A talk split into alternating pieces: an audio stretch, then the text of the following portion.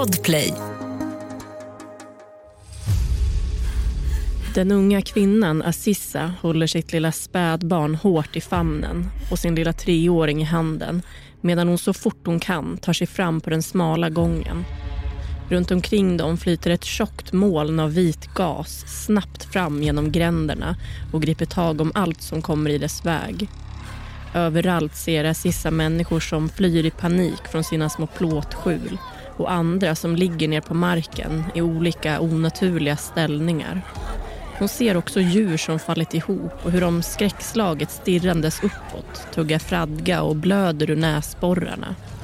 Huden på Assissa och hennes barn och de andra som nu flyr från den giftiga gasen är täckta av blåsor och det känns som att de långsamt ska brinna upp.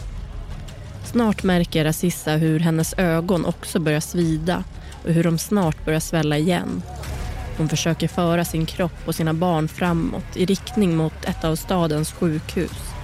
Men snart märker hon att hela hennes syn börjar försvinna och det blir helt mörkt. Du lyssnar på Kod katastrof med mig, Amanda Lång om världens värsta industriolycka, massförgiftningen i Bhopal.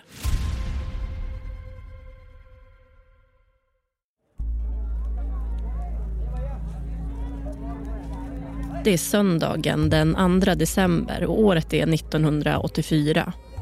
Hela det här året har varit minst sagt dramatiskt för Indien och alla de 762 miljoner invånarna. Flera stora politiska händelser har inträffat och skakat om landet rejält. För bara en månad sen blev landets premiärminister Indira Gandhi ihjälskjuten av två av sina egna livvakter vilket skapade ett totalt kaos och grupperingar bland medborgarna. Det är efter att hon beordrat militären att beskjuta det gyllene templet som belägrats av separatistiska sikher Omvärldens ögon har under hela året riktats mot Indien och många har förskräckts både över Indira Gandhis massaker på sikerna och över lönnmordet på henne själv. Men nu har det alltså hunnit bli december och trots att det fortfarande råder oroligheter i landet har det hela lugnat sig lite. Även i staden Bhopal med sina 850 000 invånare har man märkt av och påverkats av det politiska kaoset. Bhopal ligger i centrala Indien och kallas för sjöarnas stad eftersom den omges av flera sjöar. Men trots att de politiska händelserna rört om även här är det något annat som har hänt som har rört upp invånarna ännu mer. Stadens stora kemikaliefabrik, Union Carbide har nämligen börjat med nedskärningar, både av personal och löner. Många i Bhopal är beroende av kemikaliefabriken Antingen genom att de själva eller någon familjemedlem jobbar där eller genom att de har något arbete som är kopplat till fabriken som leverantörer eller olika typer av entreprenörer. I fabriken har man framförallt tillverkat bekämpningsmedlet Sevin, alltså insektsgift, av den giftiga gasen metylisocyanat men för några månader sedan, efter att nya produkter brutits in på marknaden som visade sig vara både billigare och mer effektiva avbröt man produktionen av bekämpningsmedlet helt. Det slutade helt enkelt vara lönsamt för företaget och tillverkare och man började istället producera annat. Men sen en vecka tillbaka har man startat upp Sevinproduktionen igen men i mycket mindre omfattning än tidigare. Kemikaliefabriken som ligger precis intill ett av Bhopals stora slumkvarter har flera gigantiska ståltankar nedgrävda i asfalten på fabriksområdet. Och I tankarna förvaras flera ton av den giftiga kemikalien metylisocyanat. Och om det är något som alla på fabriken vet om så är det att giftet i tankarna aldrig får komma i kontakt med vatten. Nu är det en typisk decemberkväll i Bhopal det är svalt ute och det kryllar fortfarande av folk vid den livliga marknaden som ligger i slumområdet precis intill den stora fabriken. Området är tätbebott och man bor i små plåtskjul som skiljs av av smala gränder. Det är smutsigt och lerigt men det doftar gott av kryddor och mat som säljs från små bås eller vagnar. Ju mer klockan blir, desto fler av de små stånden börjar nu stängas ner och de höga rösterna från försäljare som ropar från sina bås börjar bli färre. En av Bhopals unga kvinnliga invånare är Sissa Sultan. Hon bor hemma hos sina svärföräldrar tillsammans med sin man, deras treåriga dotter Ruby och åtta månader gamla Mosin. Hemma hos svärföräldrarna bor också makens systrar och deras familjer så det är mycket rörelse i huset. Just ikväll har Azizas man åkt iväg för att jobba men alla i hushållet har samlats kring den nya tv-apparaten och nu sitter man och ser på film tillsammans. Barnen somnar snart och Aziza och de andra äter en bit mat innan de också går och lägger sig. Det är kväll och klockan är inte så mycket Aziza brukar vanligtvis inte vara så kvällstrött men hon väntar sitt tredje barn och hennes ork har påverkats av graviditeten. Så hon lägger sig också ner och sluter ögonen och somnar inte långt därefter. Samtidigt inne i lunchmatsalen på kemikaliefabriken har några av arbetarna som jobbar kvällsskiftet satt sig ner för att ta rast. De spelar kort och dricker te. Männen har olika ansvarsområden. Men eftersom de ibland måste hjälpa till på någon av de andra avdelningarna än de de vanligtvis arbetar på delar de gärna sina kunskaper med varandra på rasten. Det finns instruktioner och manualer men de har de flesta av arbetarna inte ens läst. Beskrivningarna av vad som ska göras är dessutom väldigt luddiga. De lär sig helt enkelt bättre av varandra. De olika avdelningarna arbetarna jobbar på är bland annat själva produktionen, alltså att blanda kemikalierna på rätt sätt med drift och underhållsarbete av maskinerna och med paketering och sortering av de färdiga produkterna. Men några av arbetarna i fabriken har just de gigantiska behållarna med giftiga kemikalier som sitt huvudansvar. De rengör delarna som leder in och ut ur behållarna och är helt enkelt ansvariga för att hålla uppsikt över dem. Nu har kvällsarbetarna bara en stund kvar av åtta timmars passet som slutar vid kvart i elva. Männen diskuterar lite allt möjligt, bland annat nedskärningarna som har börjat göras, men också vardagliga saker. En av de unga arbetarna som inte har jobbat på fabriken så länge får plötsligt ett samtal från sin arbetsledare. Han ber honom att gå ut och spola rent ett av de långa rören som går in i en av tankarna den unga arbetaren lägger ifrån sig spelkorten på bordet och gör som han blivit tillsagd.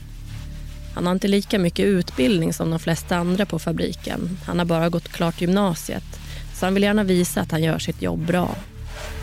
Medan den unga mannen sätter igång vattnet och spolar igenom röret funderar han på det där han lärt sig om täckskivor. De ska ju sättas fast på röret innan det spolas så att ingen vätska kan komma i kontakt med giftet i tanken. Men arbetsledaren har inte sagt åt honom att göra det.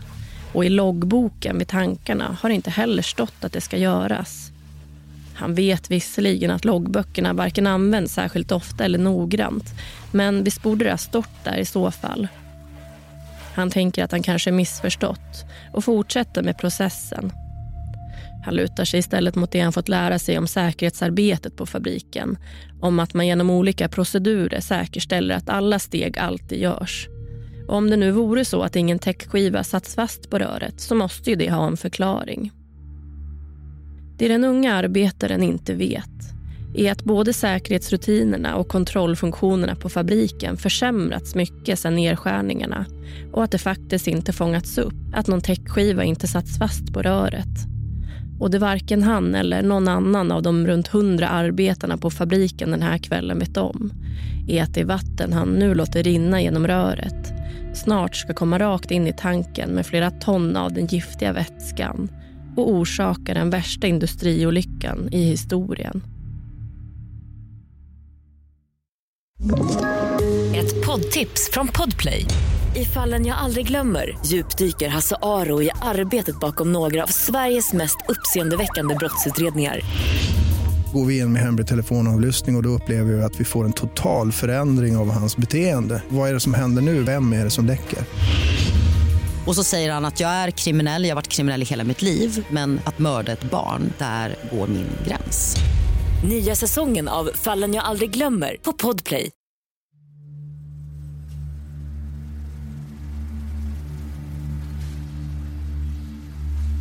Nu har klockan blivit 20 i 11 och snart ska de som jobbar nattskiftet byta av kvällsarbetarna.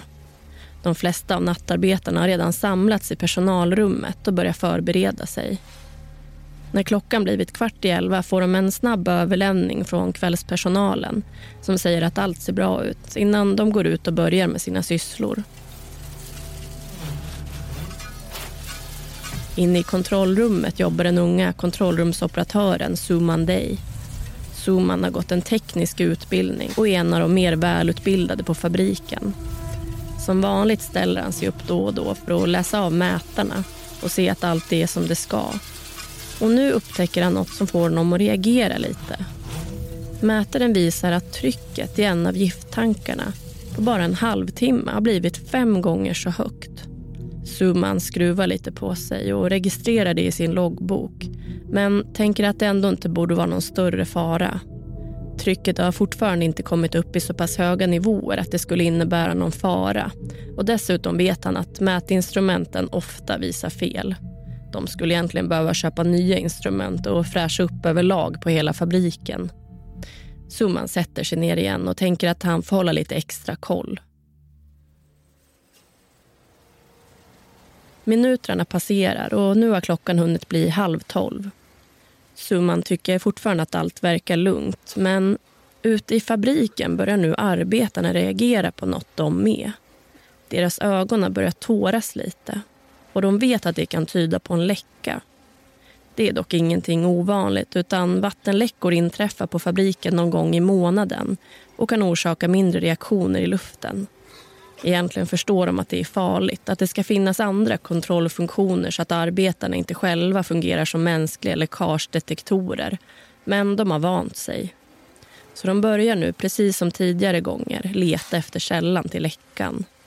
De meddelar också operatören Zuman, som också han börjar söka.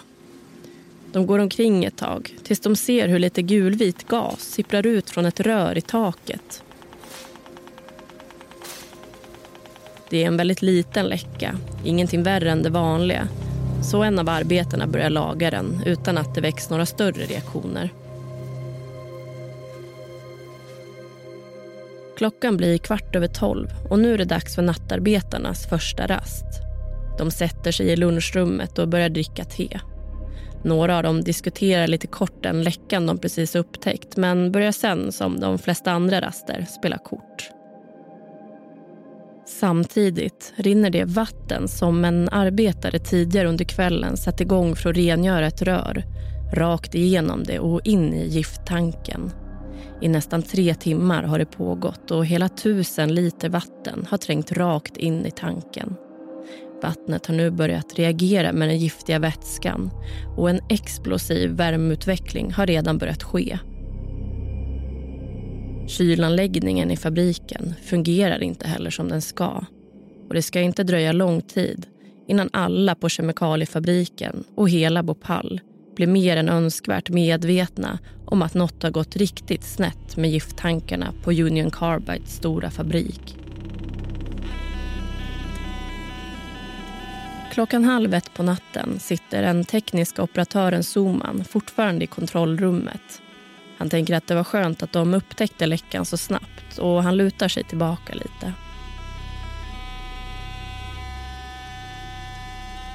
Men plötsligt ser han hur både nålen i tryckmätaren och den i temperaturmätaren hastigt börjar peka på högre och högre siffror.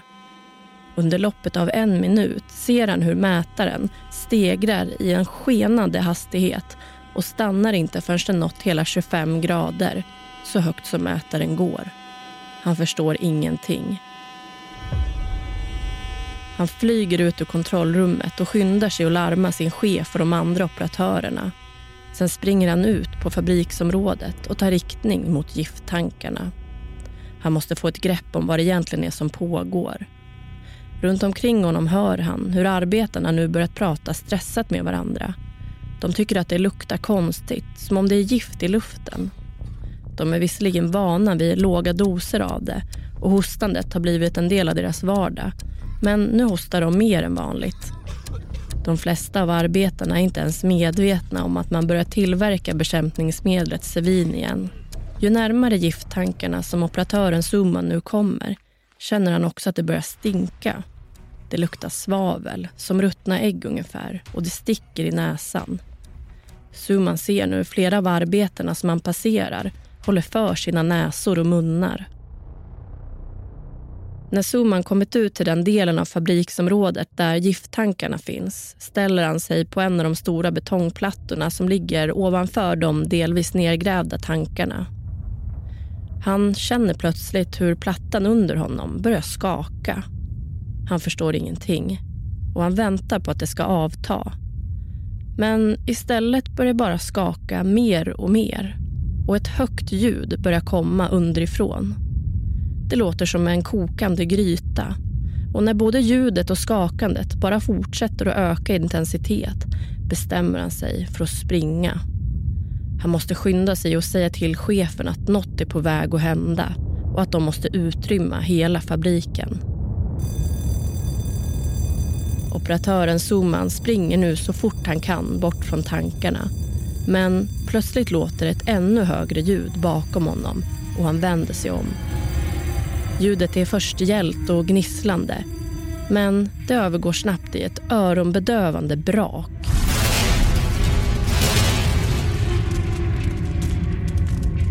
Suman ser nu hur en nästan 20 meter lång spricka har bildats i betongen som täcker en av tankarna. Och nu går allt fort. En värme kommer snabbt emot honom som gör att han backar bakåt. Det känns som att stå i en ugn och innan han hinner förstå vad som är på väg att hända börjar återigen ett annat ljud infinna sig. Det liksom väser högre och högre och plötsligt ser han hur ett vitt högt moln skjuter upp från tanken och börjar sprida sig upp i atmosfären. Så man vet vad det innebär. Den giftiga vätskan i tanken har förvandlats till giftig gas. Han ser nu hur det vita molnet fortsätter att breda ut sig där uppe och över hela fabriksanläggningen innan det börjar driva vidare ut över stan. Över stan där invånarna fortfarande ligger och sover i sina hus.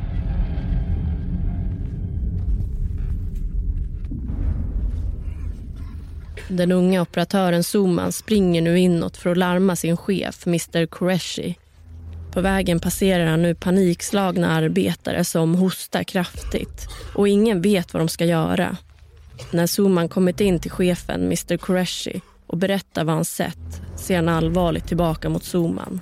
Sen lyfter han mikrofonen från sitt skrivbord och ropar bestämt ut i högtalarna att det läcker gift i fabriken.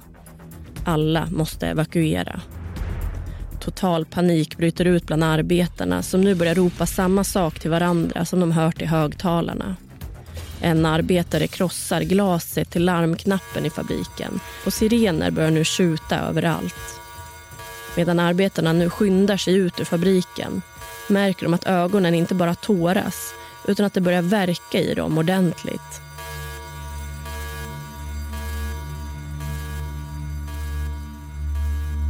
Chefen, Mr Qureshi, skyndar sig och beordrar att allt vatten i fabriken genast måste stängas av och att man endast får använda det till att spruta direkt mot gasen och försöka neutralisera den.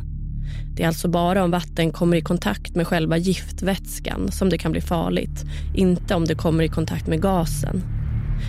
Efter bara någon minut kommer brandkåren till platsen och de börjar också spruta vatten mot den utströmmande gasen för att liksom stänga in den och bryta ner den. Men man försöker sig också på andra sätt att neutralisera den. Men gasen har hunnit bli så varm nu så ingenting fungerar. Den gas som nu sprutar ut ur tanken är över 120 grader varm. De flesta arbetarna hinner snabbt lämna fabriken. Men det alla i paniken har glömt bort är de fyra stora bussarna som står parkerade utanför. De är till för att användas vid den här typen av katastrofer för att evakuera de lokalbor som bor nära fabriken. Men bussarna står fortfarande kvar. Alla arbetarna har bara skyndat sig förbi och skräckslaget försökt rädda sina egna liv. Men det ska visa sig att fyra bussar ändå inte på långa vägar ska räcka för att rädda alla de som gasen ska sträcka sig till. Slumkvarteret intill, Kali, är Bhopals mest tätbefolkade område Mer än en halv miljon människor bor där och de sover på marken i små otätade plåtskjul. Soman oroar sig nu för att gasen ska hinna sträcka sig dit innan de får kontroll över den. Det varken han eller kollegorna vet om är att det vita molnet redan hunnit sprida sig i gränderna och att människor redan hunnit dö av den giftiga gasen.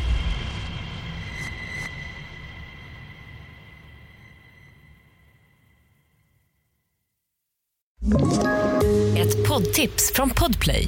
I fallen jag aldrig glömmer djupdyker Hasse Aro i arbetet bakom några av Sveriges mest uppseendeväckande brottsutredningar går vi in med hemlig telefonavlyssning och, och då upplever vi att vi får en total förändring av hans beteende. Vad är det som händer nu? Vem är det som läcker?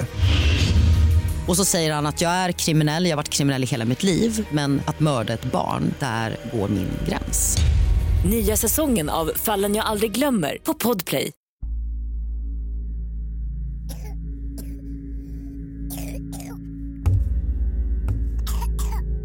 Den unga kvinnan Nassissa vaknar av att hennes treåriga dotter Ruby hostar kraftigt. En gatlykta kastar ett svagt sken in i sovrummet och Assissa upptäcker då att rummet har fyllts av ett vitt moln. Hon börjar höra hur fler i huset hostar kraftigt innan hon vaknar till ordentligt och plötsligt hör vad det är människor ute i gränderna utanför ropar. Spring! Hon tar upp sin åtta månaders lilla bebis och tar treåriga Ruby i handen och går ut i köket. Hon känner hur det börjar verka i halsen och bara sekunder senare känns det som om hon andas in eld. Barnen börjar skrika och gråta hysteriskt och Assissa känner nu hur det börjar bränna rejält i ögonen. De andra i familjen har också vaknat och nu skyndar de sig att försöka stänga alla dörrar och fönster ordentligt. Aziza öppnar upp filten om sitt lilla spädbarn hon har i famnen, åtta månader gamla Mosin och upptäcker att han börjar se svag ut. Aziza får panik. Hon måste få honom till sjukhus fort.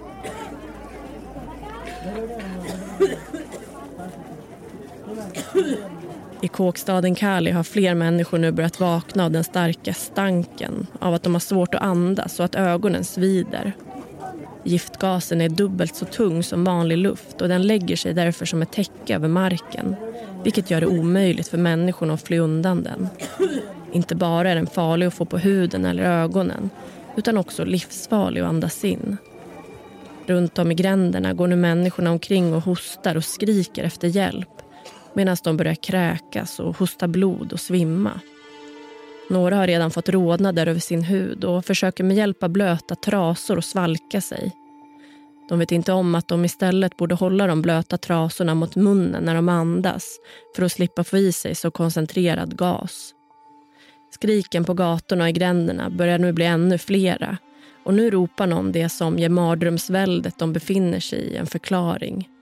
Olycka på kemikaliefabriken, gift i luften. Flera börjar ropa samma sak och snart ekar ordet gift på Bhopals gator mellan människorna som nu flyr i panik. Den unga kvinnan Assissa bestämmer sig för att försöka ta sig till sjukhuset med sina små barn. Hon tar med sig dem ut och bryr sig inte ens om att låsa efter sig som hon alltid brukar utan börjar bara springa. Både hon och barnen är fortfarande invirade i de filtar de har sovit med men Assisa känner nu att luften ute är varm. Inte alls så där sval som det var under kvällen innan. Klockan är nu halv två på natten och Assisa kan se hur yrvakna barn och vuxna strömmar ut från sina små skjul med panik i blicken. Giftmolnet fortsätter att strömma fram över gatorna och Assisa hör hur människor ropar åt henne att hjälpa dem innan de faller ihop medvetslösa. Hon ser ner på knytet i sitt famn och öppnar filten lite. Assissas lilla pojke Mosin börjar kräkas okontrollerat och när hon ser ner mot treåriga Ruby ser hon att även hon gör det. Assisa lyfter upp Ruby också och fortsätter att gå. Snart upptäcker hon att åtta månader gamla Mosin är medvetslös och Assisa börjar gråta hysteriskt. Men hon måste framåt, hela vägen till Hamidia-sjukhuset. Hon har fortfarande inte helt förstått vad det är som hänt men förstår att det har något med kemikaliefabriken att göra. Hennes ögon svider så mycket nu att hon inte längre kan se varken sina barn eller vägen hon går på. men hon försöker fortsätta framåt ändå. Men efter att ha gått ett tag faller hon ihop på marken. Hon känner då hur hela hennes ben är täckta av blod och innan hon hinner tänka mer faller hon ur medvetande.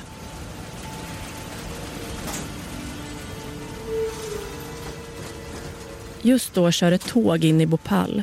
Men precis som det kommit in på perrongen ropar en av de stationsanställda på Bhopals tågstation i högtalarna till passagerarna att de inte ska gå av. Han skriker att något allvarligt inträffat och att tåget så snabbt som möjligt måste fortsätta ut ur Bhopal.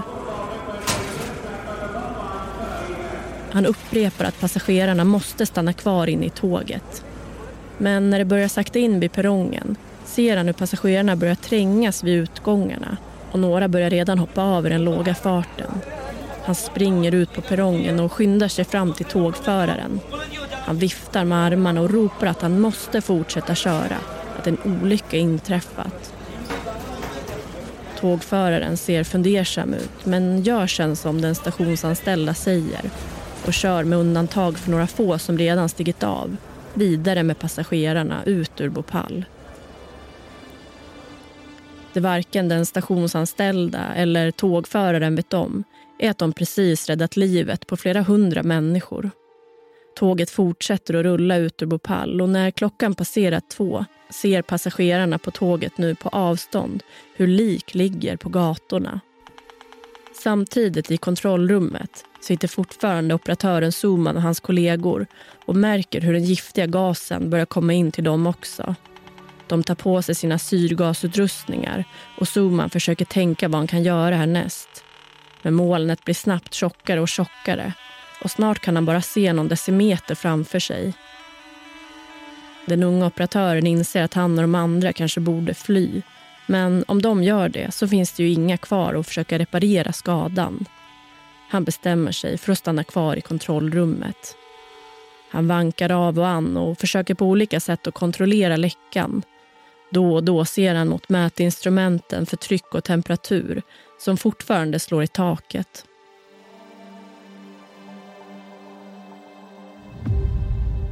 Men så plötsligt, när klockan blivit halv tre på natten upptäcker han att den giftiga gasen inte längre verkar läcka från tanken. Den unga operatören andas ut lite men han förstår att skadan som redan är skedd måste vara omfattande. Men hur omfattande den är har han dock ingen aning om än. I de delar av Bhopal som ligger i närheten av fabriksområdet flyr fortfarande människor i panik med uppspärrade ögon. De har blåsor över hela sina kroppar och avföring rinner längs med deras ben. De hostar och kräks och faller ihop. Folk försöker leta efter sina familjemedlemmar och mitt i kaoset trampar de över andra som har fallit ihop, medvetslösa eller döda. Alla försöker de samla ihop sina familjer och ta sig till något av de närliggande sjukhusen. Men akutmottagningarna på sjukhusen har redan förvandlats till bårhus.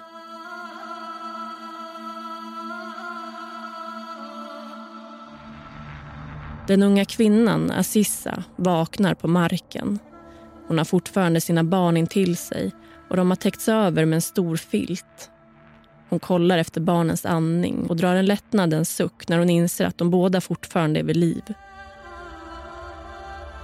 Hon lyfter lite på filten och ser att fler som ligger runt omkring henne täckts över med filtar och täcken. Plötsligt kör en stor bil förbi och hon hör någon prata från en stor högtalare på den. Meddelandet lyder vi har kontroll över gasläckan på Union Carbide. Gå tillbaka till era hus. Assisa ser att det har blivit morgon och förstår att hon verkligen måste ta sig till ett sjukhus nu för hennes barns skull. Hon har svårt att andas och förstår att de också måste ha det. Då kommer en man fram till henne. Han hjälper henne upp och tar med sig henne och barnen och börjar köra mot Hamidia-sjukhuset. Men innan de kommit fram har Aziza återigen förlorat medvetandet.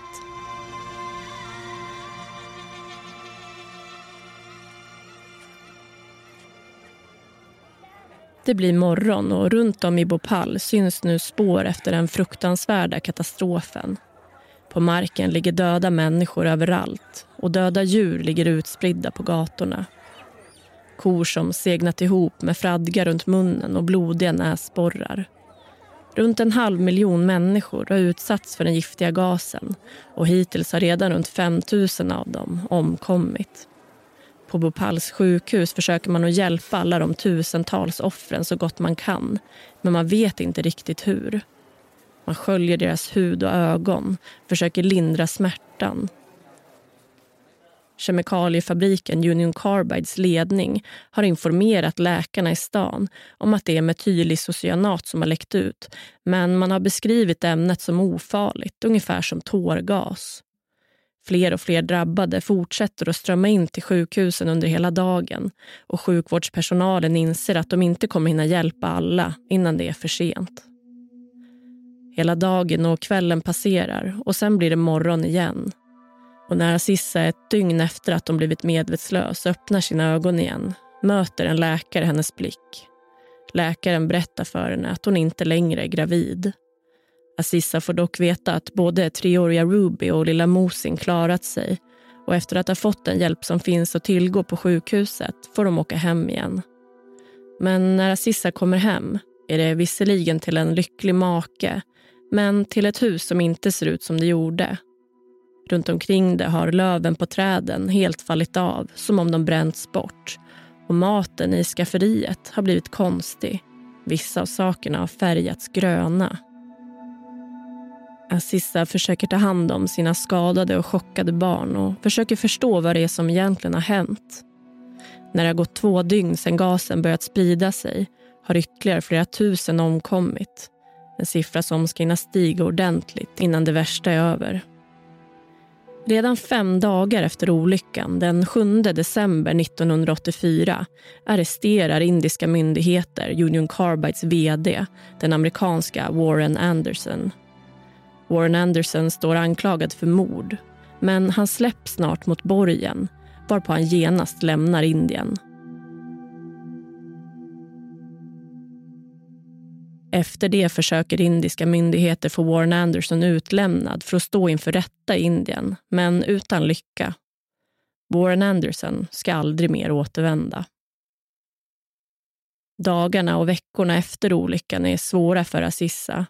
En tid efteråt dör både hennes pappa och hennes bror till följd av andningssvårigheter och hennes lilla son Mosin återhämtar sig inte ordentligt och får olika typer av både fysiska och mentala problem.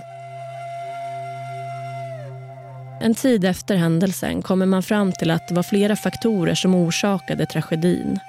Bristande säkerhetsrutiner, dåligt underhåll av till exempel kylanläggningarna, dåliga nödrutiner och brister i ledningen. Utöver det kommer man fram till att företaget brast i att utbilda sina medarbetare i risker med giftet de arbetade med och i att varna både arbetare och samhället om det som inträffat. Att polisen inte ens fick information om gasläckan förrän klockan tre på morgonen. Det ingick nämligen inte i företagets policy att blanda in några andra i fel som inträffade på fabriken. Åren som följer efter incidenten pågår den rättsliga processen mot företaget Union Carbide.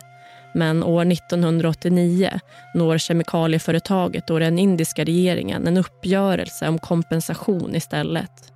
Företaget går med på att betala 470 miljoner dollar till Indien i utbyte mot att åtalet läggs ner. Det här väcker stor frustration och beslutet får stark kritik både av de som drabbats och av andra som menar att rättvisa inte har skipats. Men trots uppgörelsen så står mordåtalet mot den tidigare vdn Warren Anderson fortfarande kvar.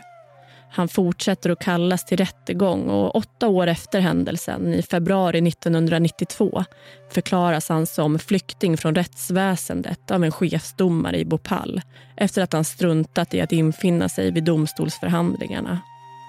Åren går, men år 2003, hela 19 år efter olyckan utfärdar Indien en formell begäran till USA om att Warren Anderson ska utlämnas. USA vägrar med hänvisning till brist på bevis. Det ska dröja så länge som till juni 2010, alltså 26 år efter händelsen innan någon döms för olyckan. Men det är inte de stora företagsägarna som blir syndabockarna utan åtta av dem som arbetade på fabriken den där kvällen 1984.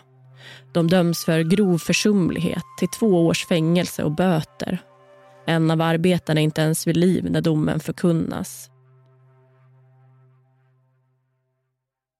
När det har gått snart 40 år sedan katastrofen fortsätter tragedin år 2023 fortfarande på många sätt. Eftersom grundvattnet och marken i Bhopal aldrig ordentligt sanerades föds fortfarande långt fler barn än normalt med missbildningar, cancer och olika typer av tillväxtproblem. Dessutom lever fortfarande de över en halv miljon människor som drabbades den där decembernatten 1984 med bestående men i form av ögonsjukdomar och lungskador. I en intervju som Assissa gör mer än 35 år efter olyckan berättar hon att hela hennes liv efter händelsen har gått ut på att försöka klara av att betala sina egna och sin familjs läkarkostnader. Idag arbetar Assissa på Sambavna-kliniken där hon assisterar en läkare. Kliniken riktar sig just till gaskatastrofens offer och Assissas mål är att hjälpa så många av dem som möjligt. Man vet fortfarande inte exakt hur många som omkom till följd av kemikaliekatastrofen i Bhopal. Men att det rör sig om många tusen gör att den fortfarande anses som den värsta industrikatastrofen i historien.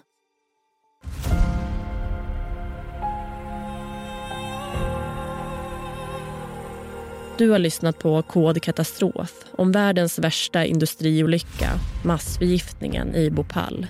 Manuset skrevs av mig, Amanda Lång. Producent var Mats Liljenberg och exekutiv producent var Jonas Lindskog. I nästa veckas avsnitt av Kod katastrof får ni höra om branden i Grenfell Tower. 31-åriga Ranja ser ut genom fönstret. Hon befinner sig på 23 våningen i höghuset och det är långt ner till marken. Elden smattrar från byggnadens utsida och hon förstår att det är bråttom nu. Men hon vet inte om hon vågar ta med sig sina små barn genom trapphuset längre.